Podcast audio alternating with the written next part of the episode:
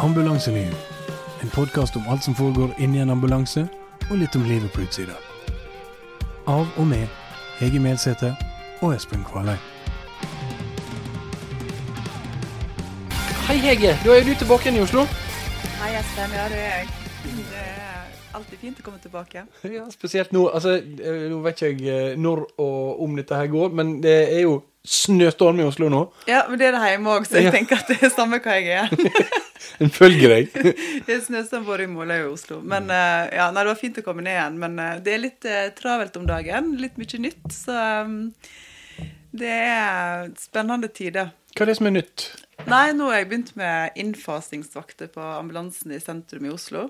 Og jeg skulle jo tro at det gikk helt fint, og det gjør det for så vidt. Men eh, jeg har jo eh, jobba noen år med det. Men det er litt andre system og geografi, ikke minst. Ja. Vite hva en skal hen. Og så eh, hvis jeg ikke kjører bilen, så sitter jeg jo på og skal være veileder for den som kjører i forhold til eh, kart og sånn. Ah, så kartleser. Ja, litt kartleser må Er det sånn, er det sånn 360 foran, frontsving, front, sving, høyre, 80 grader?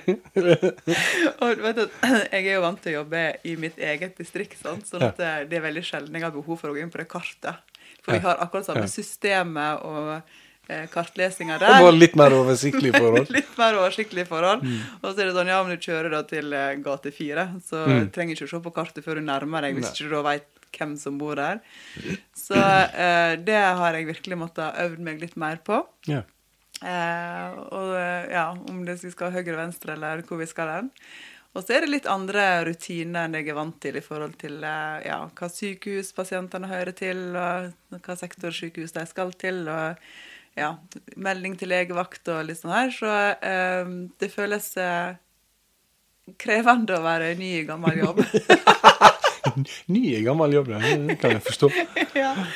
Og så kjenner jeg at kapasiteten er vel ikke helt den samme som den var før i tida, men eh, det går. Det går. Du kommer til å bli lommekjent i Oslo, du. Ja, Jeg, det gjenstår å se. ja, jeg kommer til å bli nødt til å måtte spørre deg hva den gata ligger. Ja, det er jo drømmescenarioet, da. At du må begynne å lure på hvor, hvor, hvor skal jeg hen nå. Ja, nettopp. Ja, nei da, og så er jo det Ja, det, det går bedre for hver vakt, da. Ja. Og så er det jo veldig eh, inkluderende og kjekke kollegaer som eh, hjelper meg, og har full forståelse for at jeg er ny, og jeg må jo bare lære det the hard way på et vis òg. Ja. Så jeg prøver jo å forberede meg så godt som mulig, eh, men jeg ser jo det at eh, her er det mengdetrening som skal til. ja. Så eh, jeg har av og til kapasitet til å spørre pasienten hvordan den har det. Hvor masse mengdetrening har du hatt, da? Eh, Nei, ikke, nå- hvor, hvor lenge er det siden du ble satt i gang? Om, Ja, nå, nå begynte jeg på innfasingsvakt eh, forrige uke. Da hadde jeg fire vakter. Og så skal okay. jeg ha ei vakt i morgen. Og så må vi se om vi da vurderer det som at jeg er klar til å gå som nummer to på bilen, da. Men uh, det er jo, jeg skal jo da gå med erfarne folk til å begynne Ja, med. Uh, og så får de, eh, må de da hjelpe meg. Og det er jo ikke hyggelig å føle at en er til bry, da. Nei, nei. Men eh, alle har vært nye en gang, og de er nå rutinerte for det. Og de er utrolig på tilbudssida og kjempeflinke Ja. og ja, trygger meg veldig. Og eh, jeg vil nok ikke helt føle meg klar, kanskje, da, men når er en egentlig det? nei ikke sant. Eh, og så har en gode system. En har eh, 113-sentralen som hjelper til. En har eh, kollegaer som er flinke. Eh, alle er jo med på og bidrar. Så det er mer følelsen for meg å Ja. være Jeg føler at jeg blir krevende, da, med Ja. at jeg spør om alt mulig. Så nå var vi på legevakta her om dagen, og eh, det står mange ambulanser utafor. Og vi inn og leverer pasient på legevakta, og kommer ut igjen. Og jeg prøver å få båra inn i bilen, og så sier det særlig jeg er på jobb med at jeg tror kanskje du kan prøve riktig bil. Da prøver jeg å få båra inn i en bil som, der vi sto parkert for kanskje to oppdrag Oh, ja, ja, ja. Jeg har glemt hvor vi parkerte den. det sier litt om kapasiteten. Mer enn en ambulanse. Hva dette er for slags villstyrighet? Ja, og så er det jo store forskjeller på hva en tar imot på legevakt. sant? Okay. Legevakta her i Oslo er jo eh, Det er jo nesten et lite sykehus i seg Ja. selv, sant? Så ja, det er litt, litt andre rutiner enn jeg er vant til, og det krever selvfølgelig litt, da. Men det er veldig spennende. Eh, først, det aller største forskjellen er at eh, her er jo mange, mange flere oppdrag. Ja. Kortere oppdrag. Eh, vi har mer behandlingstid eh, i distriktet som jeg er vant til å jobbe i. Mm. Eh, men- Behandlingstid, hva du mener med det? Ja, altså, sant, hvis jeg skal kjøre fra Måløy, som jeg har jobba, til eh, lokalsykehuset, så er det liksom Det er tre 45, kvarter, 50, Ja, ja. Og så har du enten det eller til sentralsykehuset, som er to og en halv time. sant? Ja. Så har jo du pasienten over mye lengre tid og gjør litt mer med dem og behandler dem kanskje litt mer. da. Mens at her må du ta kjappere beslutninger og vite hvor du skal kjøre pasienten hen, og melde ifra der du skal melde ifra. Og, så de rutinene der jobber jeg med å komme inn i. det. Ja. Så eh, kjører jeg jo andre typer vakter, er kortere vakter, for det er mye mer kjøring. Eh, så jeg syns at vaktene går utstyrtelig fort unna, da. Ja, ja, ja. det er Mer action, da. Ja da, det, ja, det Ja. er mer action. Og så er det nå engang sånn at det feiler jo folk stort sett det samme her i landet. Mm. Men eh, en, har jo, en har jo klart mer rus, kanskje, Ja. eh, her i Oslo enn en er vant til på bygda.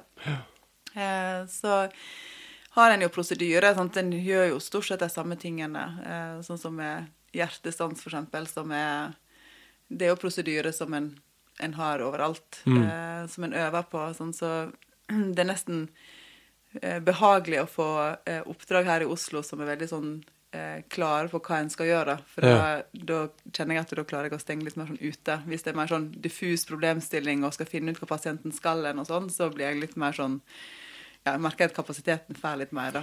Men er det fordi at du da kan lure på om du skal kjøre den til legevakta eller sykehuset, og hvilket sykehus og sånt? Ja, det er helt rett. Mm. Og så forstå logikken i hvor hen du bor, hen, hvor grensene går. hen? Du kan være på avlastning på en sykehjem, korttidsavdeling på en sykehjem, eh, for der var det plass til deg. Ja. Mens at heimeadressa di er en annen plass. sånn at det er ikke logisk i forhold til det sykehjemmet du er på, men hjemmeadressa di at du skal til Ahus, da, for eksempel. sant? Ja, akkurat. Og så Det her bruker jeg masse tid på å Ja. finne ut av. Ja, men, Men det er muscle memory, er ikke det det da? Det er sånn du skal, bare skal ha det inn, og når du får det inn, så sitter det. Ja da, og så får du hjelp, sant. Ja. Og så må du rådføre deg også, sant. Det er bare mer at jeg bruker kapasitet på det, da. Ja. Ja, Men veldig veldig kjekt å komme ut på bil. Og eh, kombinasjonen av det å være inne på Ullevål på traumeavdelinga, det er veldig veldig spennende. Hva miksen er nå, da? Nei, Miksen er at jeg har 60 eh, stilling inne på eh, Ullevål, og så eh, tar jeg vakter som jeg kan da, i ambulansen utover det. Mm. Så det er en Så- bra kombinasjon. 60 på Ullevål og så 60 i ambulansen. Jeg Kjenner det greit? Ja, ja vi får se. Jeg skal ikke ha for mange fridager, nei. Nei, det, nei, nei. Det, det går ikke. Så ja, nei da. Så det er veldig kjekt å få eh, mange nye kollegaer. Det òg er jo eh, Bruker en jo litt energi på å eh, bli kjent med folk, selvfølgelig. Mm. Men en har jo en sånn fellesskap i det, da. Og det er jo kanskje noe av det som er veldig fint med å jobbe i i nødetatene. Sant? At en har en automatisk felles interesse. Sant? Ja. Du både brann og politi og ambulanse og eh, møtes ute på oppdrag. Og, men det er veldig mange folk her, da. Vi er litt færre i distriktet, Ja. kan du si. Så jeg satt jo på vaktrom òg. Eh, så har jeg en, en som er veileder for meg per vakt, da.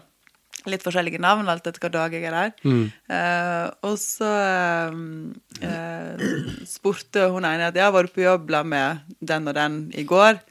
Og så sa jeg nei, i går var jeg på jobb med sånn og sånn. Og så sier han ene jo, du var jo på jobb med meg i går. Og da hadde jeg glemt hva han het og sånt. Så jeg bare faen. Nei, unnskyld. Ja, selvfølgelig. Det er bare uff at jeg alltid må svare før Ja, jeg ja, tenker ja, sånn.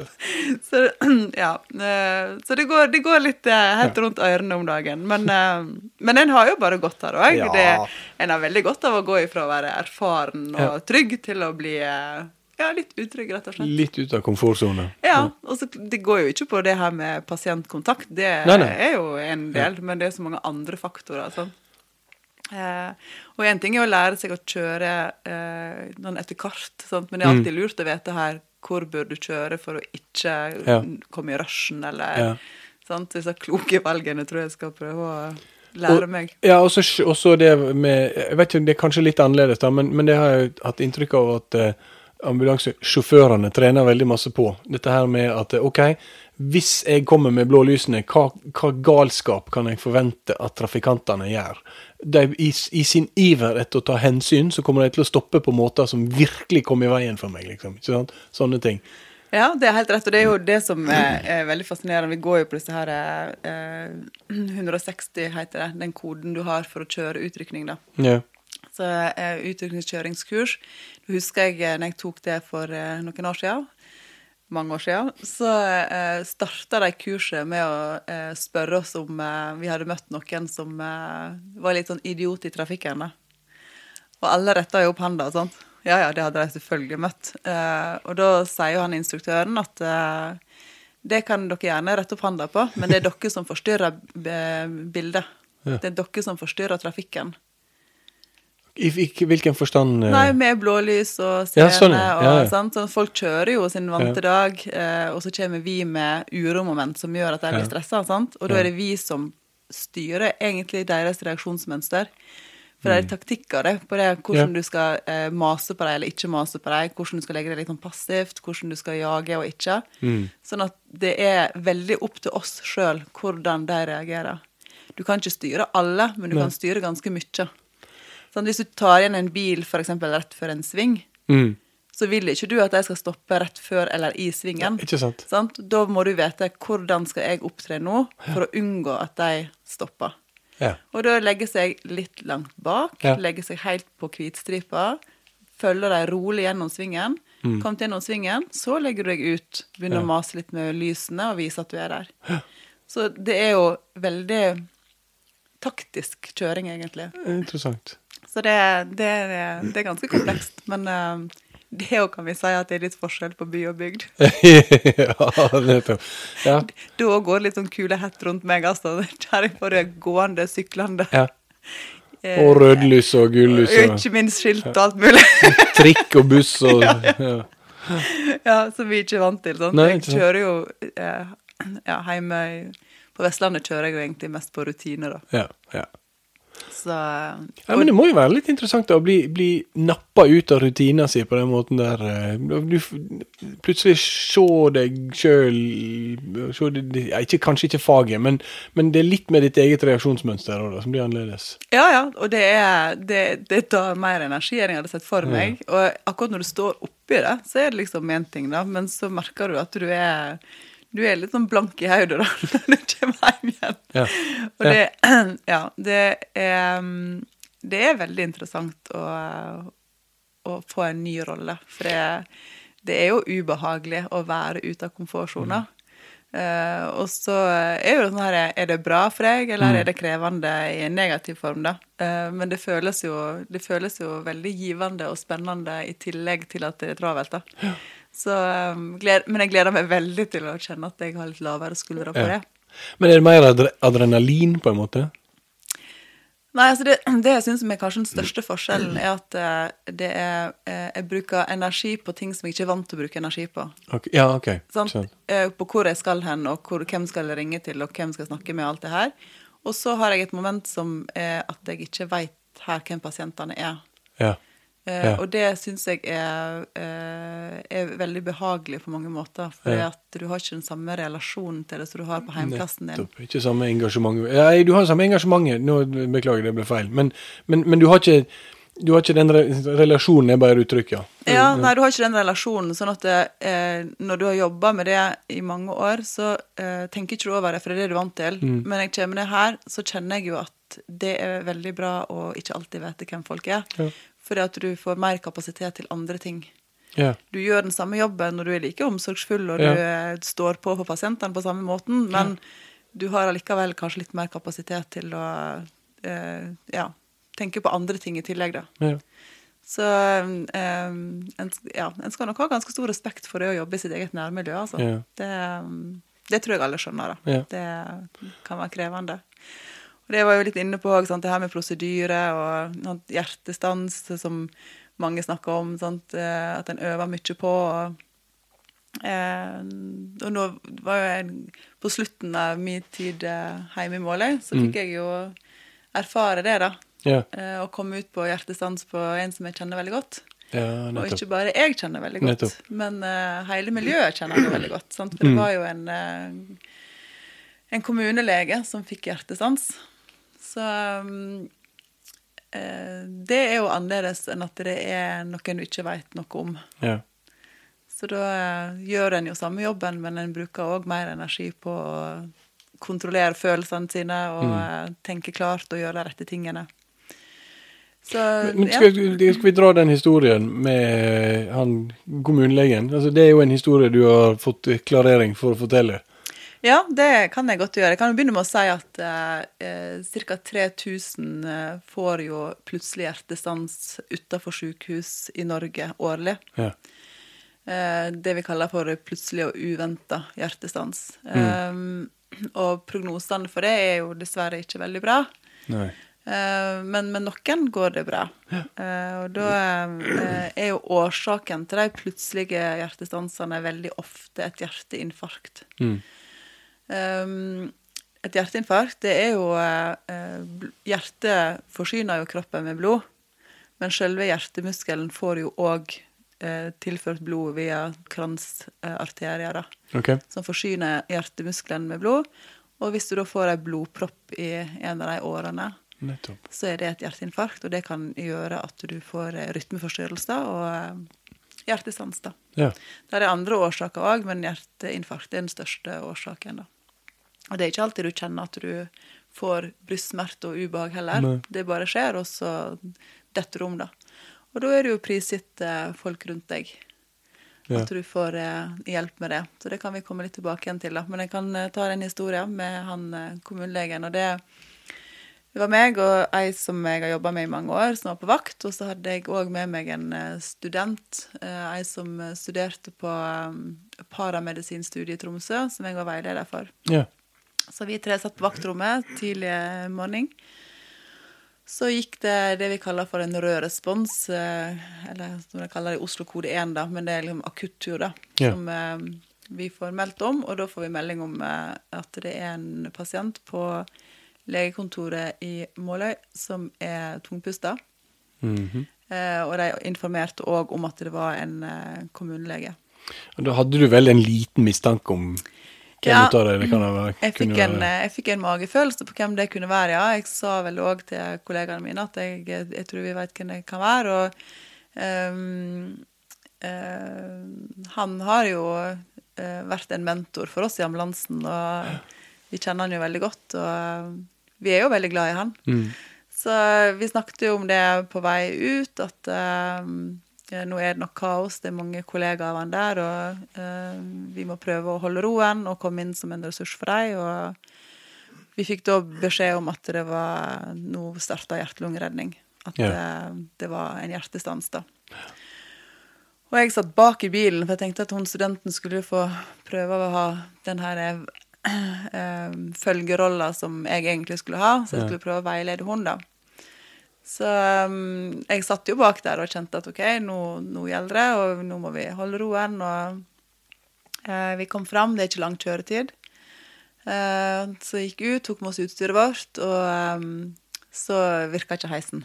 Ja, OK. Det her er jo i tredje etasje på eh, det bygget som vi skulle inn i, da. Så, eh, og, da og da tok jeg litt overstyringa. Ja, Da bare kjente jeg at nå nå var kapasiteten min på å observere vekk. Så da, så da sa jeg vel noe sånn som at OK, greit, da gjør vi sånn. Og så går vi opp, og da eh, har jo de allerede fått gitt han eh, et støt med hjertestarter. Ja. Så når vi kom, så var han øh, øh, i live i form av at hjertet slo, men han Ja. var ikke våken.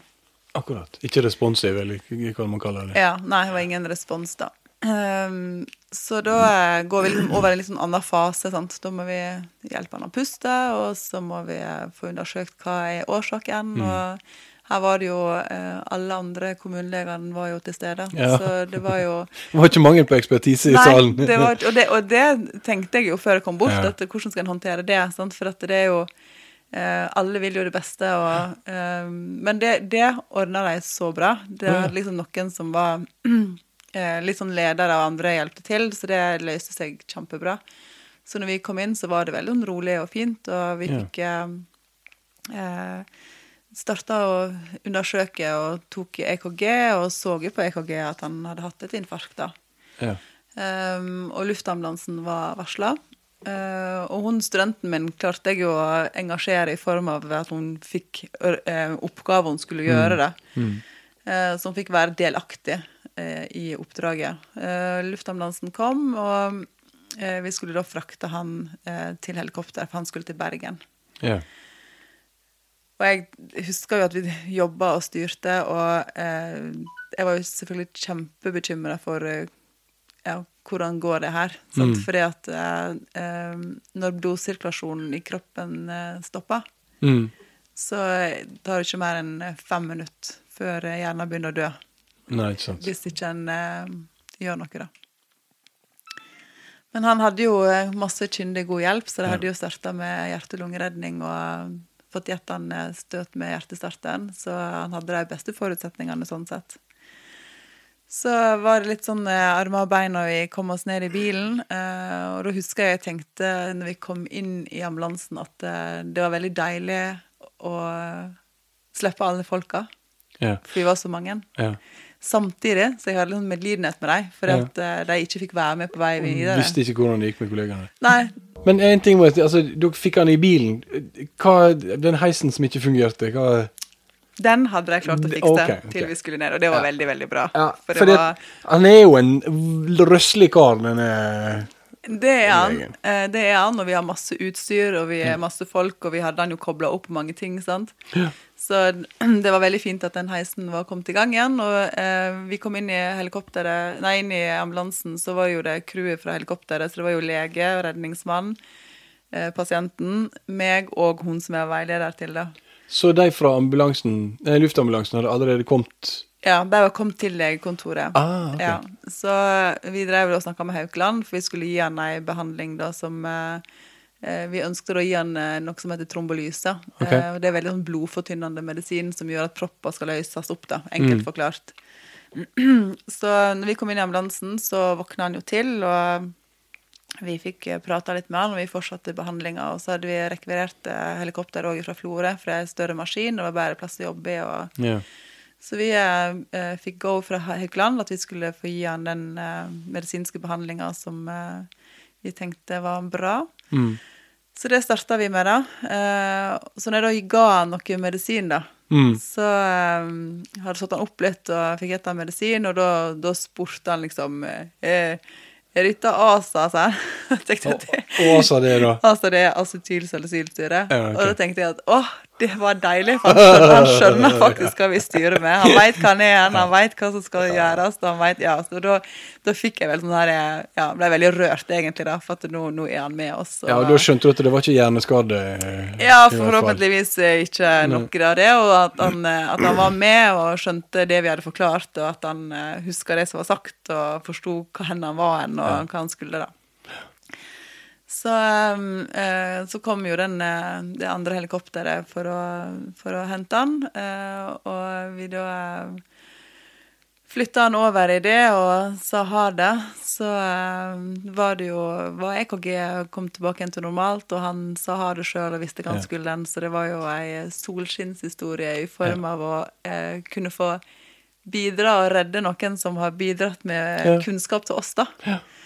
Så er det jo sånne historier som gjør at på tross av at det kan være dystre prognoser hvis det skjer, Mm. så er det faktisk mulig å komme tilbake igjen og komme til live igjen. Og det, det er jo så motiverende at eh, alle bør jo lære seg hjerte-lungeredning og vite hva en skal gjøre, og ringe 113 som førstepri, sant, og få veiledning der.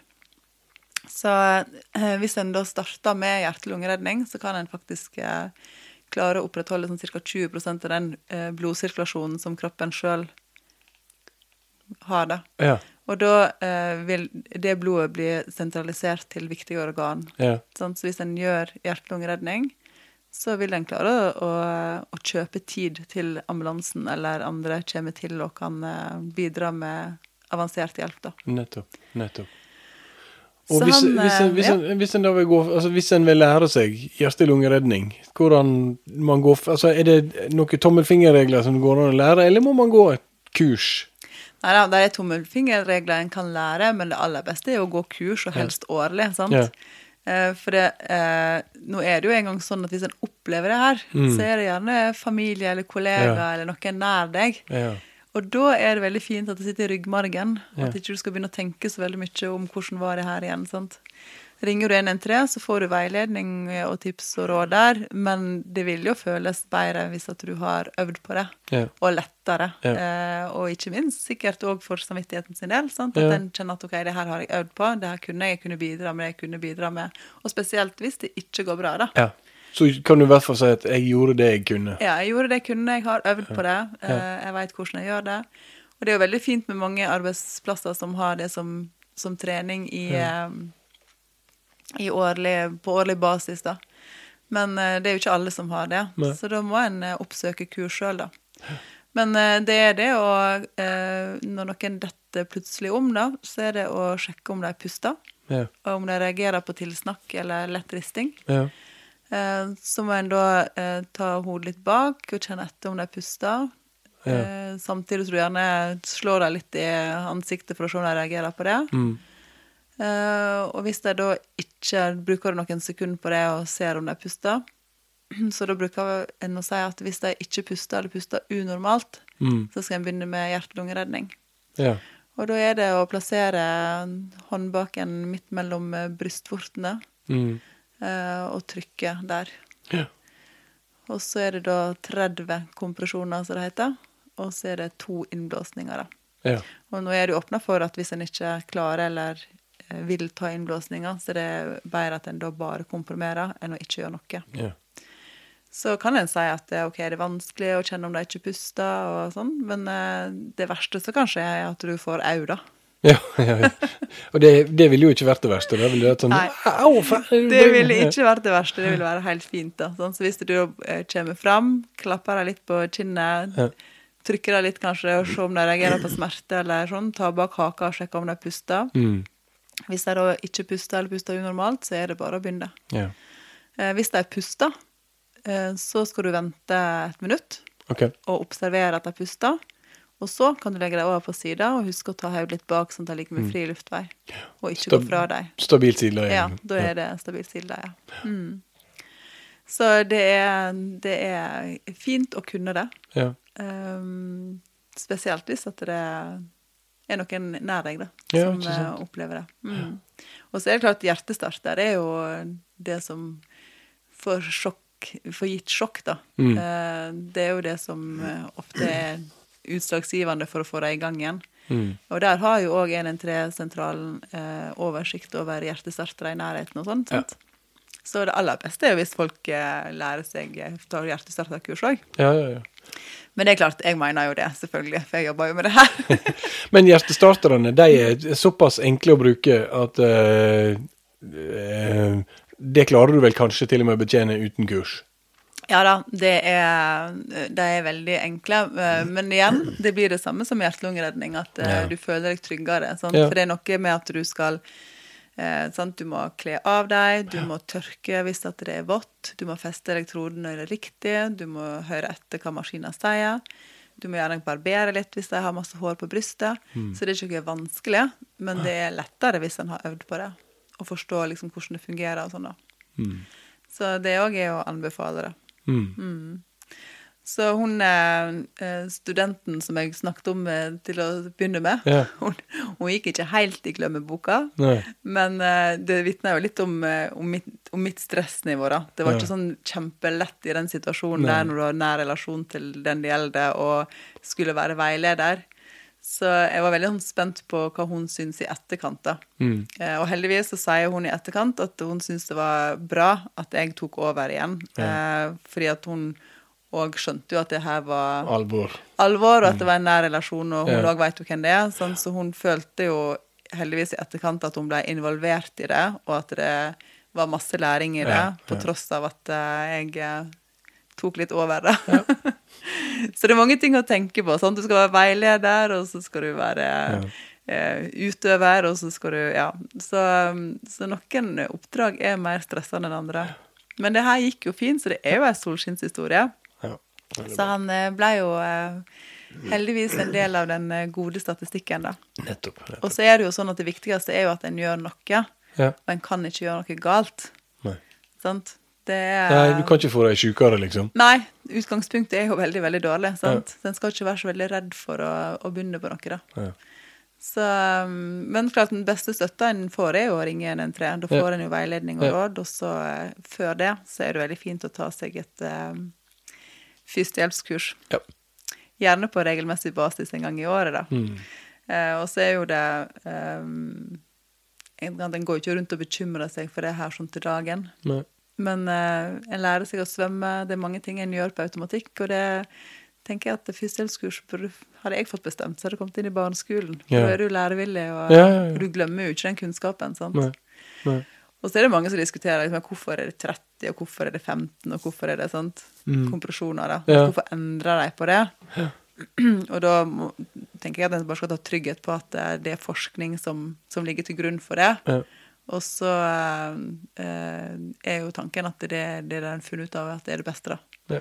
Så nå er det Så er det litt forskjell hvis at det er um, barn og drukning, men jeg tenker at vi kan komme litt inn på en senere podkast, for Ja. det her er jo et ganske stort tema, Ja, ja, ja. eh, det med hjertestans, da.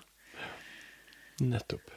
Nei, men Veldig bra. Men da eh, tenker jeg at vi har vært igjennom eh, masse i dag. Det er artig historie å høre.